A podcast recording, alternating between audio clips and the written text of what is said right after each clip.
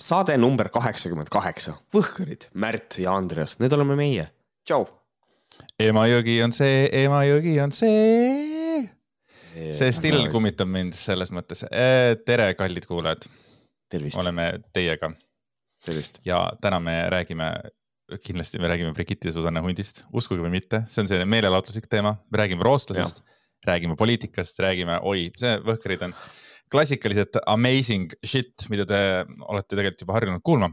aga ma pööran korra pilgu tagasi, et äh, need inimesed, kes, ma ei tea, kas tulevad kunagi hiljem Õhkarite perekonda või äh, mõtlevad, et äh, okei okay,, et miks sellest nagu üldse ei ole räägitud või kuidagi siis, et nagu eelnev saade oli meil siis nagu enne seda saadet, mis praegu on, oli meil Patreo, Patreon seitsekümmend, seitsmekümnes osa et äh, see oli siis nagu eelnev saade ja seal me rääkisime sellest, et äh, Jüri Ratas astus ühte erakonda, mida keegi ei oleks uskunud.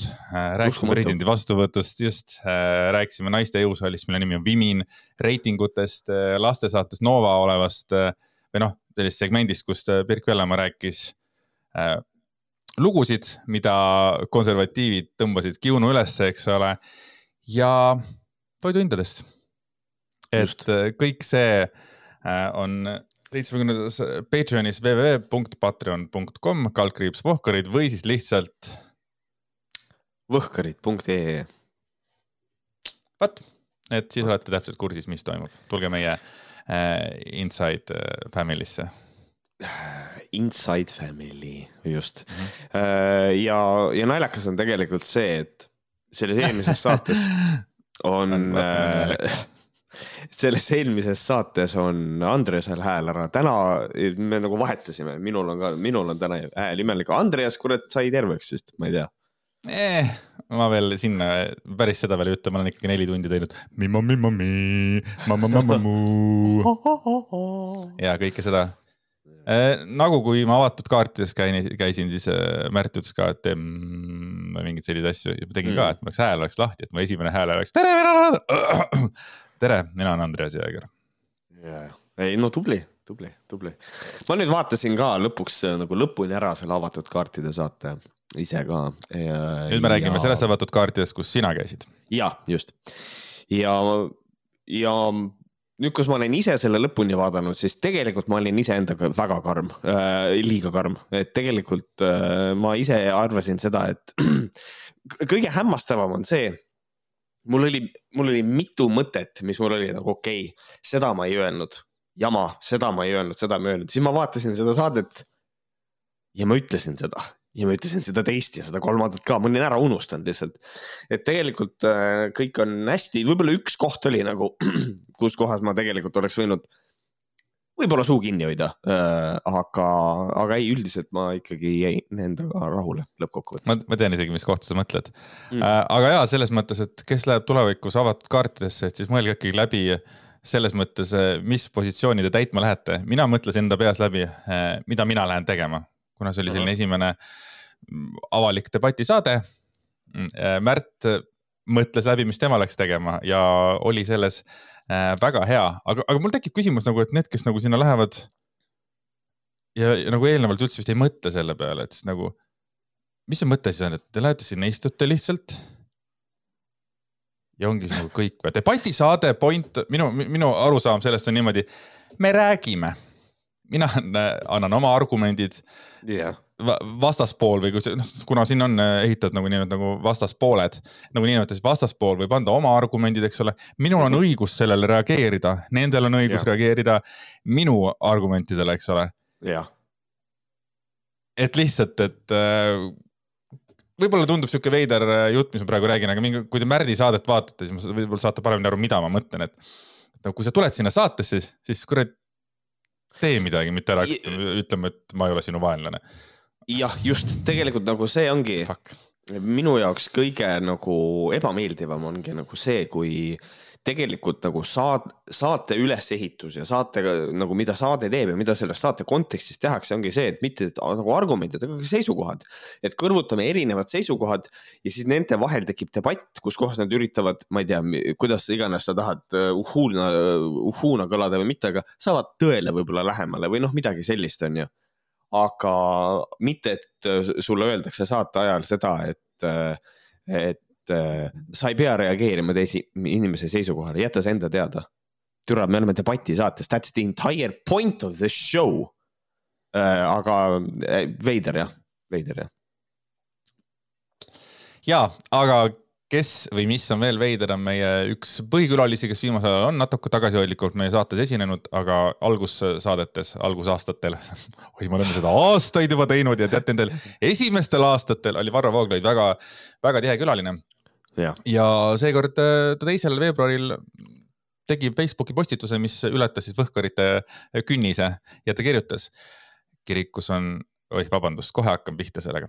kirikus üle maailma tähistati täna küünlapäeva ehk Neitsi-Maarja puhastumise püha. see tähendab päeva, mil Jeesus viidi Reus, Reus, Jerula Davai, me saame hakkama. Jeruusalemma templisse ja Simeon tundis ta seal ära inimkonna päästjana. samuti on täna kuu esimene reede, mis on katoliku kirikus pühendatud Kristuse pühimale südamele Eestis sõlmiti aga sümboolselt tähendusrikkalt just täna esimesed homoabielud, mis on meie riigi nimel toime pandud pilkeks mitte ainult abielu tähendusele, vaid ka puhtuse ideaalile. niimoodi jumalast seatud seadustele selga keerates ja nende üle irvitades saadab meie riik end ise hukatusse. vaenlast pole vajagi. see on äh, kui nagu tegelikult siin ikkagi on juba Delulu on sees, et nagu. et noh, jah, ühest küljest võib nagu mõelda selle peale, et noh, mina ise loodan seda, sest et noh, see tegelikult teeb temast nagu targema inimese. mina loodan seda, et ta vaatas kalendrisse, luges uudist, et oh, täna olid esimesed sooneutraalsed abielud tehti ära ja. ja ta vaatas kalendrisse ja mõtles, oh kurat, nice, täna on ju, täna on ju küünlapäev. oh lahe ma saan vinguda selle, selle nimel, ma saan oma follow, follower idele mingisugust kuradi, mingisugust ängi tekitada või nagu mingisugune, et äh, mingi noh, et ta on nagu. noh, draamat kisub ülesse, noh veits nagu BSH, et nagu selles mõttes, et noh, et mina loodan, et see on ikkagi see, mitte et ta nagu päriselt vaatab, et issand jumal, seda tehti sellepärast, et täna on küünlapäev, sellepärast, et keerata selg jumalale bro, me keerasime jumalale selja ammu, kui me saime teada, et teda ei ole päriselt olemas. et nagu selles mõttes see on nagu, see on ikka natukene karm raisk äh, on lugeda sellist asja täiskasvanud mehe sulest nagu. ja, aga õnneks meil on olemas äh, Twitteris selline, Twitteris, vabandust, vabandust, X-is selline äh, sihukene tegelane nagu Eeva Teemad äh, kellest me ei tea, kes ta täpselt on ja Andri Kiige ei maga siiamaani, mina juba magan mõni aeg sest et ma olen aru saanud, et who cares. ja, ja Eva Teemat siis tegi oma kohta, omakorda sellest säutsu, et täna on Ameerikas mullinätsupäev ja lisaks sellele on täna ka rahvusvaheline alasti töötamise päev. et äh, Eestis aga sõlmiti sümboolselt tähendusrikkalt just täna esimesed homoabielud, mõtlema paneb. mis tähendab tõesti, et äh, neid päevi on nii palju ja who cares, ega sinna arvatavasti ei olegi võimalik astuda ühelgi päeval äh, äh, abiellu, ilma et sa kuskilt ei leiaks mingisugust yeah. päeva, kus on mingisugune jumalaga seotud. jah, mingi jumalaga seotud päev lihtsalt. no just ja, ja, ja teine asi on see ka, et äh, tahaks tähelepanu sellele ka juhtida, et eh, kas äh,, milline on see korrektne ja õige küünlapäev äh,, võttes arvesse sihukest asja nagu ajavööndid näiteks et noh, tegelikult siin on nagu lõppkokkuvõttes on ikkagi see, et kalli, et nagu kallis Vartšik, et noh, tegelikult on niimoodi, et päevad ja kõik see, see on nagu inimesed on need omavahel kokku leppinud ja kui sulle nagu selline asi nagu tead puhka jalga rahune maha. või siis istu sisse endale need päevad. vot, aga kes äh, sisse asju ei istu endale, vaid äh, tõmbab teemasid nagu Eeva teemad Twitteris on eh, meie armastatud BSH. just, juhhei, lähme jälle ah,. nagu just siis, kui mõtled, et kurat, äkki nüüd on patarei tühi, no, she comes just, back. jah, just siis, kui me mõtlesime, et uh, üritasime välja saada, siis ta tõmbab meid sisse tagasi. jah, they pull me back in karm, karm, aga jaa, tõsi, BSH-l äh, järjekordne draama ja seekord siis äh, jällegi tüli mänedžeriga ja Delfi kirjutab, et eelmisel kolmapäeva õhtul lajatas, lahvatas, vabandust, kuidas ma julgesin öelda. järjekordne, järjekordne skandaal Brigitte Susanne Hundi ja tema mänedžeri Hanna-Gerta Liiva vahel äh, Brigitte teatas ootamatult, et tema ja Liiva koostöö on läbi, kuna ta sai teada, et mänedžeril olid tekkinud tunded hundiga seotud inimese vastu. Hanna aga selgitab, et Brigitte reageeris üle ja mingist flirdist pole kordagi juttu olnud. Äh, juba see intro on nagu juba noh, te saate aru, see on sihuke klassik äh,, sihuke halb romcomi nagu sihuke nagu plott juba jookseb. ei, ei, ei, tegelikult sa said valesti aru kolmapäeva õhtu hämaruses tegi seltskonna täht Brigitte Susanne Hunt oma Instagrami kontol avalikuks, et tema mänedžer Hanna-Gerta Liiva koostöö on nüüd äkitselt läbi saanud. ma ei planeerinud neid asju, see oli mulle eraeluliselt kõige suurem šokk mu elus. ma tulen sellega toime, mina ja Hanna ei tööta enam koos, avaldas Hunt. just, nägin neid story, nägin neid story sid, tundusid väga sügavad. mina ei saa sellest aru, miks on vaja avalikult Instagrami story's öelda, et sa, et sul mänedžer äh, teed lahku lähevad, ma ei saa aru sellest. tegelikult täiesti ebaoluline. sellepärast tegi just podcast'i, vähemalt ta niimoodi äh, ise ütles, et tegi just podcast'i, vaata nüüd, kuna podcast ei ilmu, siis, siis tal on nagu kohustus teada anda, miks ei ilmu, vaata. aga noh, hiljem, hiljem see podcast ikkagi ilmus, seega vahet ei ole, mida BSH ütleb. see yeah. kõik on äh, vähemalt, mitte kõik, aga palju sellest ei vasta tõele ütleme nii, et ma nägin teatud vestluseid, avas Brigitte pisut koostöö lõppemise tausta, kuid ei peatunud pikemalt sellel, millise sisuga vestlustest jutt käib. karma sain ma kätte küll, selliseid asju elus juhtub, tõdes Suuna Mudija. ja vaata kõik see, mis sa praegu loed, inimene on, inimene on õppinud, ta on, ta räägib rahulikult, ta jagab inimesse, ta jagab ainult südamest armastust ja mõistmist. tore on näha seda külge Brigitte Susanne hundist. jah me ei vali, kelle vastu meil tunded tekivad. ma saadan mõistvust, ma jagan andestust. aga kui austus ja usaldus kaob mis iganes suhtes, siis on mõttekoht, kas kümme aastat visata minema või mitte.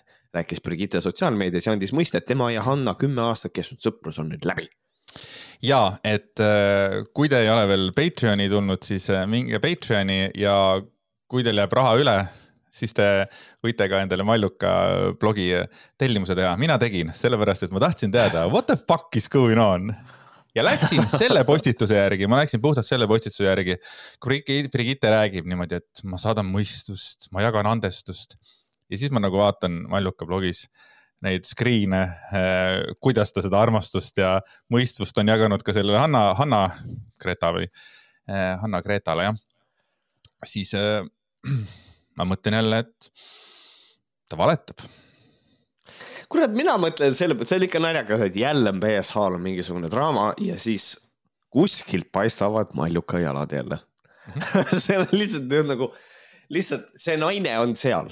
Äh, see naine on seal olemas, seal, kus on, seal, kus on draama, seal on Mallukas ja siis ta on nagu see, et ja isegi kui on see, et kurat, ma vist ei tea sellest asjast mitte midagi, siis ta teab kedagi, kes tuleks tema blogisse kirjutama, et teab täiesti sihuke. aga see on ikka tegelikult rets selles mõttes, kui sa hakkad mõtlema, et, et äh, ütleme siis Anna Gretat siis nagu rünnati, ta tundis ennast rünnatuna, sest et Brigitte rääkis, et noh, omapoolset versiooni niimoodi krüpteeritud küll, aga küll, aga ikkagi ta rääkis omapoolset versiooni, on ju.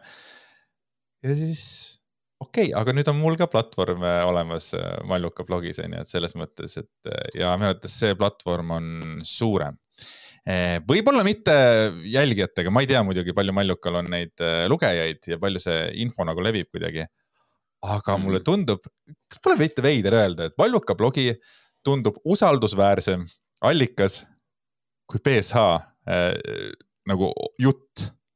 nagu selles mõttes kui vaadata BSH näiteks selle viimase draama juures tema story sid, kuidas ta story tas, siis see, siis ei, see ei ole absoluutselt absurdne sihukest asja, et sa ütled, sellepärast et ähm, eh, tema viimase draamaga oli nagu väga selgelt, et ta ütles, ta ütles midagi, siis vist jurist ütles uh, actually ja siis pärast oli story's ta nagu võttis kas sõnad tagasi või sõnastas ümber või ütles ei, tegelikult ei. et ühesõnaga ta nagu, kui ta on emotsionaalselt laetud, she's all over the fucking place ja siis ongi noh, tegelikult ega ei, ei ole usaldusväärne, et noh, mul ongi nagu see, et kuskil seal mingisugune tõde on, aga see tõde on läbi väga tugeva BSH filtri ja siis ongi nagu see, et noh, tahaks äh,, tahaks nagu teada, tahaks nagu, et kui BSH-l on mingisugune hästi suur probleem ja ta rändib, siis ma tahaks teada, okei okay,, huvitav, mis tegelikult juhtus.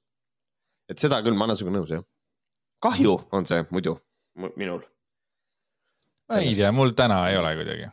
täna ei ole ah,, mul täna on ikka üldiselt. ma lihtsalt armastan seda, kui me saame sellisest teemast äh, oma väga sellises äh, Äh, mõjukas poliitpodcast'ist nagu Võhkarid on, kindlasti lipulaev number üks on, on meie, siis tuleb Samost, eks ole, olukorrast, no ja nii edasi. ja siis rääkida BSH-st, see on, tekitab kohe rõõmu minus, et noh, me kõik oleme inimesed, me kõik armastame klõmmu, kõmu ja klatši. jah, ikka pärast seda, kui Brigitte oli oma Instagrami story's kogu tema ja Hanna vahel aset leidnud tüli ära rääkinud, tegi oma, tegi oma kontole postituse ka Hanna.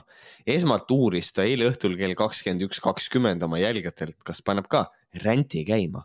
tol hetkel oli tal kolm tuhat viissada jälgijat enne uut postitust, mis Hanna postitas kell üks kakskümmend, hakkas tema Instagrami jälgijate arv hüppeliselt kasvama.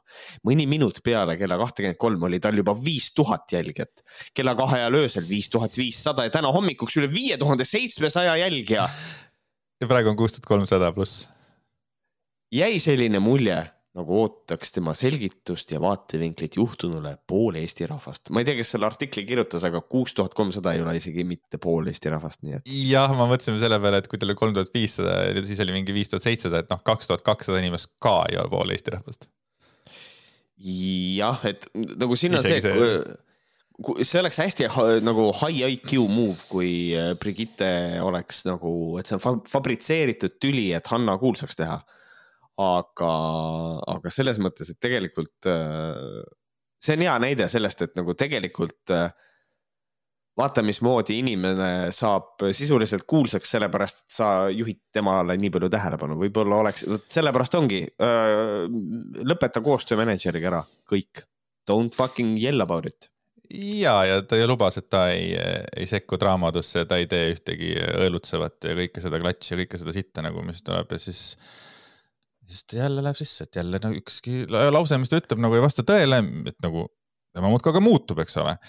et äh, ma mõtlen, kuidas oleks kõige parem öelda, et see podcast ei ilmu. tal oli, tal oli vaja seda öelda, et äh, näiteks, et siis kui ta ütleb, et ta ei taha ühtegi draamat, ta ei taha ühegi jamaga tegeleda, Hüani põrgu oli juba põrgu, on ju, aitab küll, on ju. ma ei tea siis, et öelgu, et äh,. ma ei tea, no see on suht basic kommunikatsioon nagu selles mõttes, et äh, podcast ei ilmu, siis ütled, et tervist äh,, siin erinevatel põhjustel podcast ei ilmu äh,. sa ei pea isegi põhjendama. kui ta tahaks põhjendada, võiks öelda, et nagu, et, et ma ei tea, et me Hannaga seda edasi ei tee, sellepärast et ikkagi ajaliselt Hannal ei ole võimalik teha mida iganes, kui ta ei taha draamat, kui ta tahab, et lihtsalt nagu, et oh, kedagi ei koti, sorry, et noh, inimesed ei tea, kes on Hanna, eks ole. noh, no okei okay,, viis tuhat viissada inimest teavad aga noh, laias laastus, võrreldes BSH-ga ei tea keegi, keegi ei tunne selles mõttes nagu Annast puudust. jah, aga selles mõttes nagu just nimelt lähebki käima mingisugune sopa loopimine kohe ja nagu see on ikkagi väga nagu noh absurdne. ligi neli tundi pärast skandaali puhkemist jagas Hanna oma kontol, et on otsustanud oma poole juht, juhtunust ära rääkida Maljuka blogis, et võistelda Brigitte saja kahekümne tuhande Instagrami jälgijaga ja saada sama palju kõlapinda nagu skandaalitaril tema oli alati soovinud kogu tüli ära lahendada privaatselt, aga kuna Brigitte tõmbas asja avalikuks, ei jäänud tal muud üle, kui samaga vastata. ta on mulle nii halvasti öelnud selle kahekümne nelja tunni jooksul, kui üleüldse üks inimene saab kellelegi öelda. jah, ma olen munnisti käitunud, what a fucking word, lihtsalt ütlen munnisti käitunud. munnisti, see nagu, see kõlab nagu mingi tööriist. kuule, anna mulle munnisti aga ma ei, ma ei ole talle kunagi nii sitasti öelnud, kaitses Hanna ennast Instagramis. nii, aga sa Hanna... tead, onju, kas sa tead, mis, mis siis juhtus tegelikult või? no aga no, äh.... ma, ma valgustan sind. valgusta mind, palun. et äh, soovis siis äh, Brigitte, et äh, Hanna, Greta või tema ei, ei jälgiks enam äh, siis äh, seda eksboyfriend'i Karli enam kuskil ja et äh, kustutaks igalt poolt ära ja siis Anna-Greta kirjutas, et kuule, et, et see asi jääks meie vahele ja siis rääkis selle loo ära, onju. Karl ütles, et okei okay,, chill, kõik cool, vaata. olgu, oled alati mul hea sõber olnud, boom. räme, räme kuradi reetur. How can you? täiesti haige, no mis asja. mul on tunne, et, Brigitte vist nagu jäi siis ainult selle peale, selle esimese lause peale, et ära Brigittele räägi ja siis nüüd ongi usaldus kadunud, kõik et mõnikord võib-olla siis tunnete säästmiseks on vaja asjadest mitte rääkida. mina usun sellesse, et äh, suhtlus on kõige olulisem ja omavaheline äh, nagu selles mõttes nagu rääkimine kõigest asjadest on nagu, aga me kõik oleme mõnikord mingil põhjusel midagi mitte öelnud enda armsale, kas äh, sõbrale või siis äh, enda kaaslasele, et tema tundeid säästa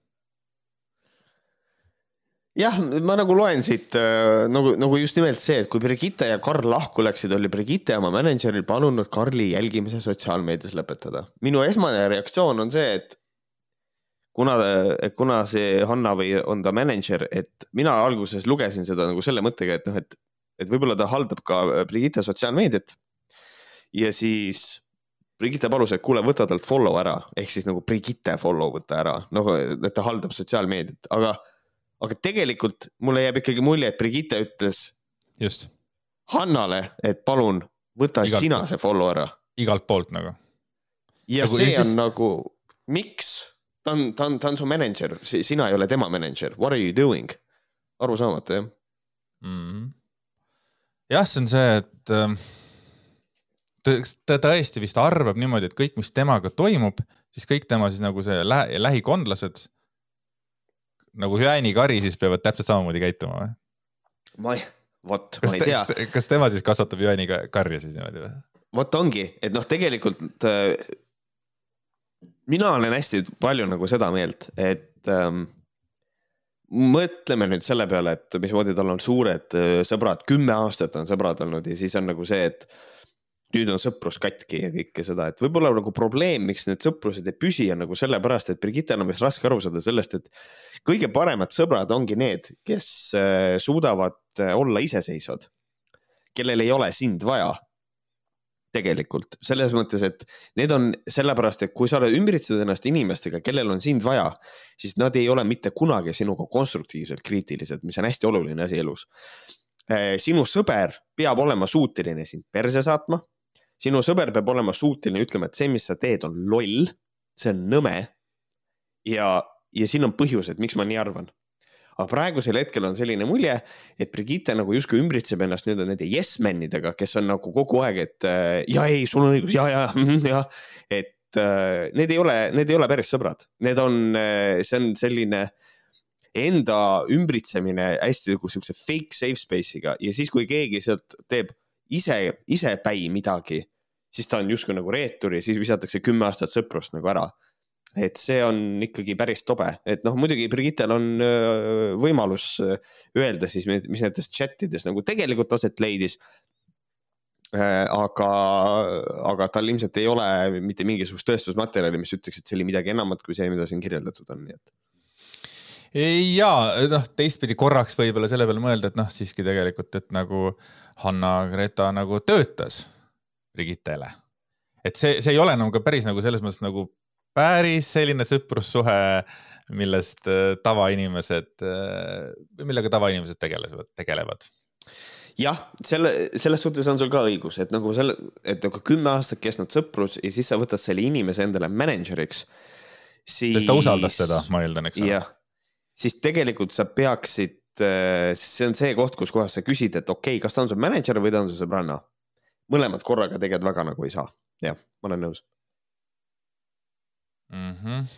et noh, see on üldiselt, selles mõttes see on, ma, ma toon näite, võib-olla see on nagu mõnes mõttes nagu võib-olla puudutab, et ma käisin äh,, sihuke sari nagu Litsid, mida Mart Sander tegi, ma käisin äh,, mul oli seal episoodiline roll ja minu lapsepõlvesõber oli seal pealprodutsent. ja ma ei tundnud teda ära, nagu selles mõttes, noh, selles mõttes ma ei ole nagu, ma ei ole nagu saikar peast, ma nagu läksin uksest sisse, ma sain aru, et noh, see on mu sõber ja kõike seda, ta helistas mulle kõik, kõik, kõik. aga platsi peal ta tegi tööd. ta oli hoopis teistsugune inimene, kui ta on tegelikult. ja, ja see ongi see, mida sa tegelikult tahad ühelt inimeselt, kes töötab professionaalselt. et, et isegi kui sinu sõbranna on su mänedžer siis see inimene peab töötama kahel viisil, esiteks ta peab olema see sõber, see hea sõber, nagu ma kirjeldasin, kes on sõbrana kritiseerib sind. ja siis okei okay,, see olen mina, see on minu kui sõbra seisukoht ja nüüd on minu kui mänedžeri seisukoht. ja ka see, sa pead lubama mänedžeril olla kriitiline ja what not, et siin on isegi nagu see, see aste, et mina mänedžerina olin nõus ja eemaldasin follow sellelt mehelt jumal küll, see on nagu mingisugune kuradi follow ja like iment, noh, täiesti haige. ebareaalne e,. ja, ja, et ma eemaldan selle follow ära manager'ina, lihtsalt for business, makes no sense tegelikult, aga okei okay,, for business. aga siis mina isiklikult nagu, kes ma päriselt olen, siis mina nagu kirjutan sellele kutile, ütlen, miks me nii tegime et, äh, et siin on natukene see asi on, see asi on kahtlane ju, siin on. siin mina... on natukene, ta ju tegi oma sõpradega tegelikult samamoodi, Juhani Põrgu oli samamoodi, et nüüd, et nüüd ära sina sellega suhtle ja nagu, miks me oleme mingi kuradi, ma ei tea, mitmes klass ta, kuradi kolmas klass või, ära nüüd temaga suhtle, sest et mina olen temaga tülis. sina ja, oled temaga on... tülis, eks ole, mitte kuradi teine, et. sinu tülid on sinu asi, selles mm -hmm. mõttes, et see on ja teine asi on see ka, võib-olla sina oled tülis, aga võib-olla see inimene, kellel sa nagu keelad suhelda, võib-olla temal on mingisugune insight sellesse asja, kus kohas tema saab suhelda ja pärast võib-olla kommunikeerida mingisugust narratiivi või midagi nagu selet-, nagu seletada. aga see ongi nagu see, et kui ma olen kellegagi külis, külis, vau, tülis, siis eh, katkestame kohe kõik Äh, suhtlused, kõik, kõik, kõik asjad ära, et jumala eest ei oleks mitte mingisugust suhtlust, et mitte mingisugust infi enam peale ei tuleks, noh. et noh, see ongi, see on, see on väga sektilik käitumine tegelikult selles mõttes, et see on mhm. ikkagi nagu, nagu väga tobe. mul tuli meelde üks asi, mis ma enne korraks meelest ära läks. Brigittega rääkida sellest isegi. kuule, et nagu sa saad aru ka, et see on probleem, mida sa teed. enne mul läks üks asi meelest ära, ma tahtsin öelda seda, et ja minu arvates Brigitte puhul on see ka huvitav, et ta nagu ikka jätkab seda Messengeri äh, teemat. Äh, praegu on järjest inimesed lükkavad screen'e kogu aeg nagu sinna nagu ja ikka ta käitub Messengeris täpselt samamoodi ikkagi nagu väikene laps, et nagu. ta ei ole, ta ei ole nagu, ta, ma ei tea, hoia oma Messenger puhtana selle, ma ei tea, rääkige telefoni nagu, sa oled, kõik kasutavad seda materjali kogu aeg sinu vastu. äkki lõpetaks Messengeris selle kirjutamise ära, eriti mingil sittadel teemadel, ma ei tea. ma ei tea noh sihuke. see on tobe jah. aga äh, Brigitte podcast'ist rääkides, siis kui tal oli see meltdown võib-olla, võib öelda küll selle kohta, eelmine, siis ta ütles ka, et ta hakkab tegelema ainult tervise, ainult äh, äh good vibes äh, ja siis raamatutest hakkab rääkima ainult ja kõik see ja siis ta teeb podcast'i nimega Nohik, kus ta hakkab raamatutest rääkima. vittu, ma ootasin seda. ei tulnud tuli tavaline podcast, kus ta räägib jälle enda eraelust ja klatšist ja kõmust, eks ole. Ja siis ta, ta, ta lõpuks siis, ta ütles, et see saade ei tule välja. I m the real winner here on podcast'i nimi. okei okay,, läheme sellega siis. Et tuleb podcast välja, ei tule too podcast välja ja siis tuli podcast välja kohe, et oo ikkagi ma ikkagi. ja siis paneb selle maksumüüri taha. nii mm, -hmm. nüüd on minu nagu see nagu, kui podcaster mõtleb, et mida ta nagu mõt-, okei okay,, jälle äkki ma eksin vabandan Brigittes, kui ma eksin, onju, aga et äh, sa nagu mitte keegi ei tea, mida sealt saada. kas nagu, et ta eeldab, et nagu need inimesed, inimesed tulevad nagu hordidena, sadadena, tuhandetena kuulama Brigitte podcast'i, seepärast et on Brigitte Susanne Hunt või? Äh, mina ei ostaks põrsas kotis, et äh, mina ei oleks saanud või meie ei oleks saanud sinuga minna näiteks Võhkaritega kohe Patreon'i sest ei inimestel puudub ja. igasugune arusaam, mida ja. meie seal teeme, olgugi et Märdil võib olla suur äh, jälgijaskond ja sekt ja kõik, mis asjad tal Märdil ei ole. ma ei usu, et inimesed lihtsalt tulevad äh, äh põrsast kotis ostma, eks ole, et minu jaoks on see hästi veider see, et, et sa nagu äh, haibid, teed, teed, teed ja siis paned selle sinna. no ma ei tea, anna, anna mingid osad või hakka siis üle ühe andma või siis tee endale nime kõigepealt Sam the Winner Here podcast'iga, et sa oled nagu mingisugune tõsiseltvõetav, tõsiseltvõetav mingisugune podcast või, või tegelane, eks ole, et ei, lähme kõik müüri, müüri kuradi selle maksumüüri taha. palju õnne mina võtan endale nüüd siinkohal siukse, ütlen niimoodi, et ma, ma totaalselt oponeerin sulle. et ähm,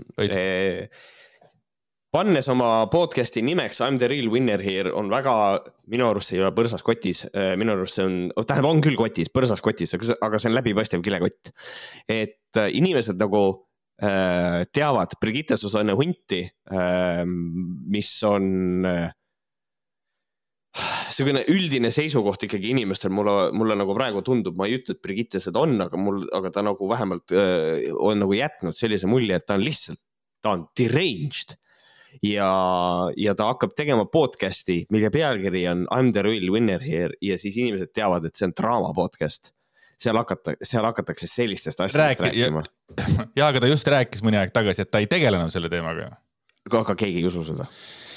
jah äh,, täiesti äh, okei okay, äh, nii võib olla, ma ise mõtlen kasvõi selle Malluka Pärtelpoja podcast'i peale salajutud, eks ole, et vaba, vaba levis, inimesed kuulavad mm., inimesed räägivad sellest äh, ja nii edasi, eks ole, räägime sellest, et nagu tuleb uusi, uusi inimesi peale, kes ei istu ainult Malluka äh, müüri, maksumüüri taga, eks ole, ei loe tema postitusi, vaid tulevad ka need inimesed nagu mujalt ja näevad ära, et ohoo, vau, tal on mingit asja, eks ole, et ja siis lähen sinna. et minu jaoks tundub see lihtsalt hästi veider, et sa teed podcast'i, mis ei pea ilmuma isegi ja siis lõpuks sa veel kirjutad mingi story'sse, et sorry heli pärast. vittu, sul on mingisugune kuradi, mingi, mingi kuradi kaameramehed, ma ei tea, mis asjad, helimehed, kuradi. räägid sellest mitu kuud ja siis kirjutad veel story'sse sorry heli pärast äh? nagu kui ebaprofessionaalne oli... see kõik tundub mulle lihtsalt nagu ja ei, ma saan aru, jah.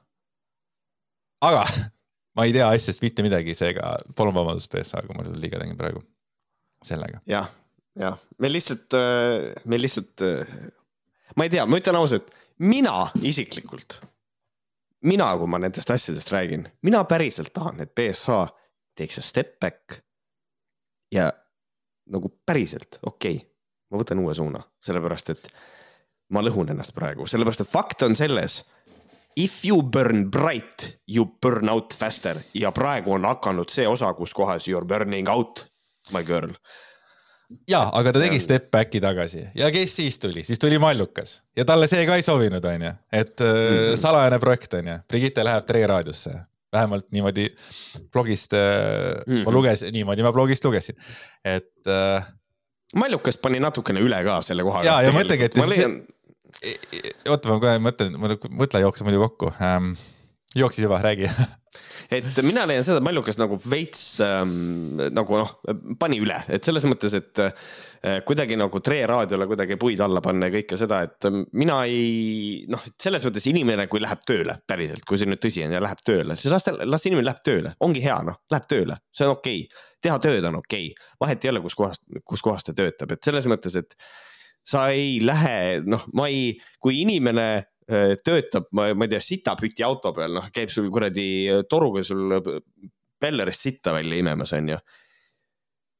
siis noh, ma ei mõnita seda tööd, sellepärast et see on väga vajalik töö, me võime küsida, kas Tre raadio töö on vajalik, no kellegi jaoks on, see on tema enda jaoks vajalik ja kui on kuulajad, on nagu hästi, et ärme nagu, ärme nagu ründa raadiot ja ärme ründa inimesi, kes tahavad teha mingisugust tööd, et noh, vaatame, kuidas tal läheb, et võib-olla see, kui järjekordselt peaks juhtuma, et ta seal ka tööd, ütleme, et ta läheb sinna siis tööle, et ta sealt ka, ma ei tea, lüüakse minema või midagi, siis me võime selle üle arutleda küll. midagi, mis ta võib-olla saates ütles või noh, midagi sellist, aga las ta läheb tööle, las ta teeb tööd, jumala eest, las inimene elab oma elu. ma tahaks korra kaitsta selles mõttes Mallukat, et ta nagu mitu korda mainis seda, et asi ei ole nagu üldsegi äh, nagu Tre raadios, vaid asi on praegu Brigitte Susanne Hundis, kes on nagu larger than life ja siis läheb tegelikult tööle sinna, mis ei, ei ole vääriline tema äh, noh, elustandarditega põhimõtteliselt, aga ma mõtlesin selle peale, et tegelikult, et. no äkki et, see on humbling, noh. äkki on humbling, teine variant on see, et, et tulebki teha väikene step back, on ju, et siis panna edasi nagu, et noh, Rauno Märks kuulus raadiohääl, eks ole, ka siis, kui peale Sky plussis fiaskot ja mingeid asju, eks ole, korra käis, oli vist, kas ta oli Trees või Ring FM, see on sama asi põhimõtteliselt, on ju. oli seal mm -hmm. ka natuke aega hommiku saatejuht, eks ole, ja liikus kõmm edasi ja nüüd on jälle seal, mis ta on, Star FM, ei ole, mis Star FM, Retro FM-is on ju. ja kandideerib parima sellele ja üks kuulatavamaid hommikuprogramme. vahepeal on vaja teha üks samm tagasi, et, et liikuda mitu sammu edasi. et selles mõttes ma olen ka nagu, et ma läheks ka Tere raadiosse tööle, sellepärast et äh,, mitte sellepärast, et ma läheks ka Tere raadiosse tööle, kui mul oleks selline võimalus. et ja, äh, miks nagu mitte, et see on ju võimalus äh, teha tööd, mida inimene armastab ja minu arust Brigitte Sõna-Vint on öelnud alati seda, et ta armastab raadiotööd. on üks asi, mida ta nagu päriselt on armastanud raadiotöö, ma ei tea, miks ta praegu seda ei tee, onju, aga et äh, äge nagu. jah, las teeb. Äh,, las teeb, et vahel on vaja veeta aega pimeduses et äh, näha valgust, vaata. või on see, et Brigitte Susanne Unt on lihtsalt Jumilia adopted attack, I was born in it. et äh, väike Batman ja nagu väike kuradi Bane, who knows, vaatame, vaatame. Ja vaatame, kuulame Tre raadiot äh, loeme horoskoope ja mõtleme, millega tegeleb Brigitte Susanne ekssõber Ants Rootslane, Ants. ja Ants, Ants Rootslane tegeleb äh, kohtuprotsessiga. ja äh, täpselt minu sünnipäeval, kaheksateistkümnendal jaanuaril ta jagas Instagramis, et saab täna teada, ehk siis kaheksateistkümnendal jaanuaril midagi väga olulist. täna on selline põnev päev, et ma olen esimest korda kohtus. Ma tahtsin seda kogemust saada, sest paljud minu kliendid on olnud aastate jooksul kohtuprotsessidega seotud ja ma tahtsin ka teada, mis tunne see siis on, kui sa oled ise kellegagi kohtus saanud ja ootad seda vastust. selles mõttes, et täiesti, see võib olla niimoodi, Aga see võib hakka, olla nii. see võib olla niimoodi, ma ise korra mõtlen jälle iseenda peale, sest noh, see on kõige lähedasem inimene minu elus olen mina ise. kui ma peaksin panema mingisugused soovid oma elus nagu noh, hakkan kirjutama päev otsa. ma ei tea, palju ma päevas jõuaks, jõuaks kirjutada neid, aga ma arvan, et selle esimese päeva soovi nimekirja mul jõuaks see, et nii, ma tahan, ma tahan ka teada, mis tunne see siis on, kui ma olen kellegi kohtusse andnud ja ootan seda vastust. Kuradi lause see on nagu, ei. või no, või tähendab, ei, lause on fine, mis kuradi soov see on? Okay, nagu, et selles mõttes nagu tõepoolest huvitav, selles mõttes Väga jällegi, Ants, chill'i, et nagu, kui see on tõepoolest nagu see, mis sind huvitab ja nagu on ka, et noh, et kurat, täna on selline eriline päev. ma olen alati tahtnud teada, mis tunne on nussida oma naabrinaist ja täna on sihuke huvitav päev, et või, või noh, kedagi ära tappa või noh, ma ei tea, mida iganes. et nagu lihtsalt, see on väga huvitav soov äh,, aga mul on, aga mul on siiralt hea meel, et Ants Rootslane sai selle, mis ta tahtis. Aga kas sai? no vaatame edasi. Äh, et siis, mida Ants äh, tahtis teada, on see, et äh, kas tal on õigus nõuda kohtult tagasi õigusabise, abile kulutatud rahasumma, kus teda alusetult süüdistati terapeut lisas, et ärevust ega hirmu tal ei ole, ükskõik mis otsus kohtust tuleb, tuleb. nimelt pidas rootslane silmas tema ja Jesper Parve vahelist konflikti, kus Parve nõudis talt äh, kohtu kaudu kümme tuhat eurot.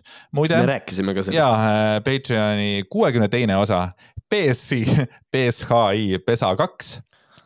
Vau, milline pealkiri kõik läheb niimoodi kuidagi jookseb, tead, täna kuidagi õigesti. kui on Rootsile, siis on BSH-ga saates. ja, minge Patreoni, minge Patreoni mm,. Eestis ta ütles, et see on oluline teadmine ja kui keegi sult kümme tuhat eurot nõuab, sealjuures seaduslikku alust omamata ja sa ennast advokaatidega kaitsed, siis kas sul on õigus hiljem kohtult õigusabi rahad tagasi küsida, mõtiskles ta.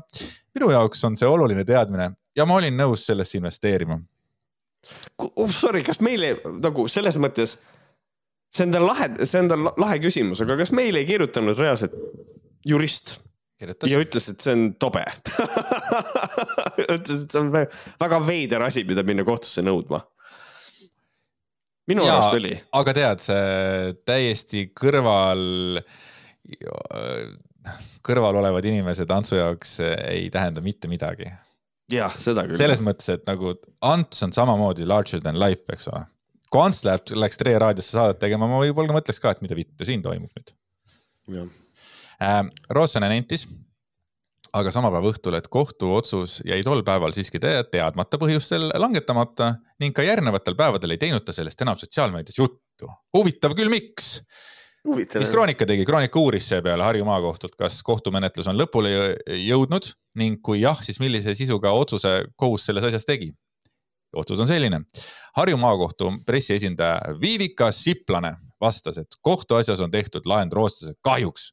tema hagiavaldust jäi rahuldamata ehk menetluskulud tuhande kahesaja euro ulatuses jäid siiski rootslase enda kanda see on äh, ja siis ja nüüd, kui nagu loed selle ära ja siis näed, mõtled, et huvitav, et ta ei postitanud ka midagi, et see on lihtsalt, sai täiega vastu vahtimist ja siis I m not talking about it täpselt sihuke vibe. kokkuvõtvalt ei ole hageja nõue kohtueelse õigusabikulude hüvitamiseks põhjendatud ja rahuldamisele ei kuulu, kuna kostja ei ole kohtu hinnangul pooltevahelist lepingut rikkunud ega sellega hagejale saanud kahju tekitada, vastas pressiesindaja Kroonikale mm. -hmm. Nii läks. et ühesõnaga sihuke, sihuke huvitav asi juhtus rootslasele, et ta oli väga huvitatud, ta tahtis kõigiga jagada, mis saab.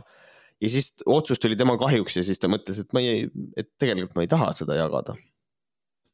ja, aga ma tervitan ikka Ants Rootslast, et mina ka, tere. tema nüüd tšau.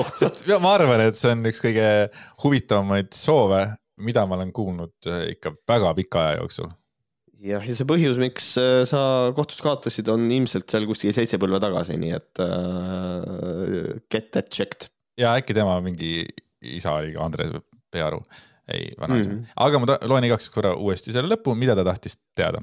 ma tahtsin teada, mis tunne see siis on, kui sa oled ise kellegi kohtusse andnud ja ootad seda vastast jah. Amazing, amazing Amazing, aga öö, oleme ära puudutanud öö, mehed, kes on müstilised ja, ja kaks draama queen'i äh.... Var-, Varro ja Brigitte, õige?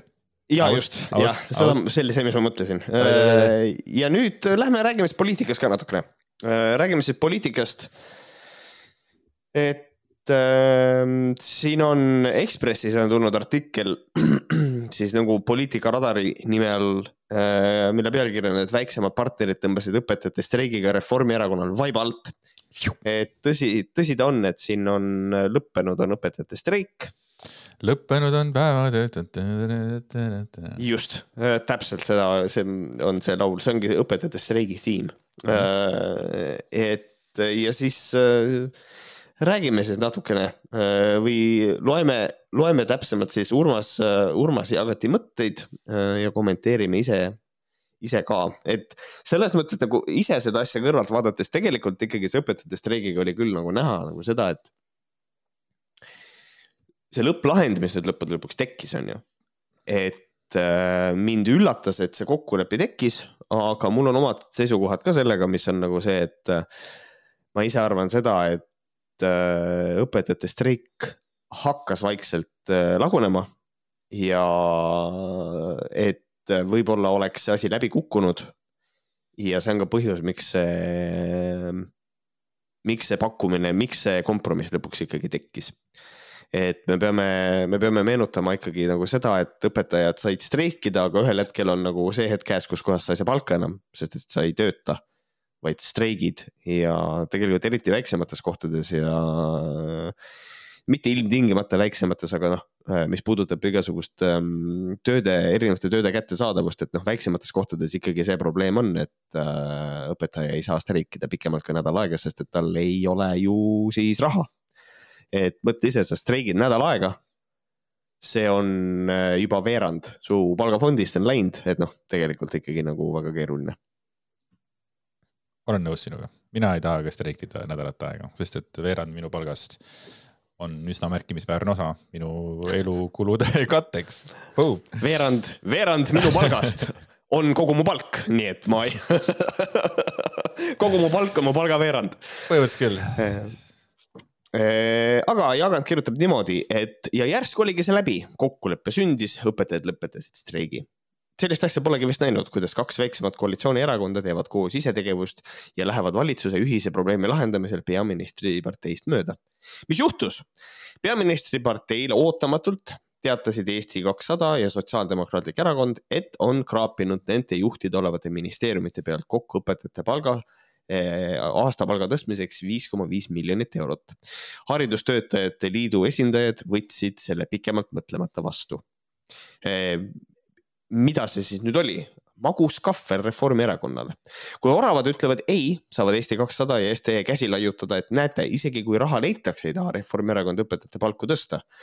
see tõestaks seni avalikkuses juurduma hakanud kuvandid, et oravad lihtsalt põhimõtteliselt ei taha streikijatele järgi anda ja õpetajatele palka, õpetajate palka tõsta.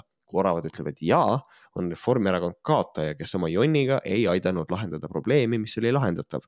Aga kaks erakonda valitsuses on mõistlikud ja kamba peale lahendasid asja ise.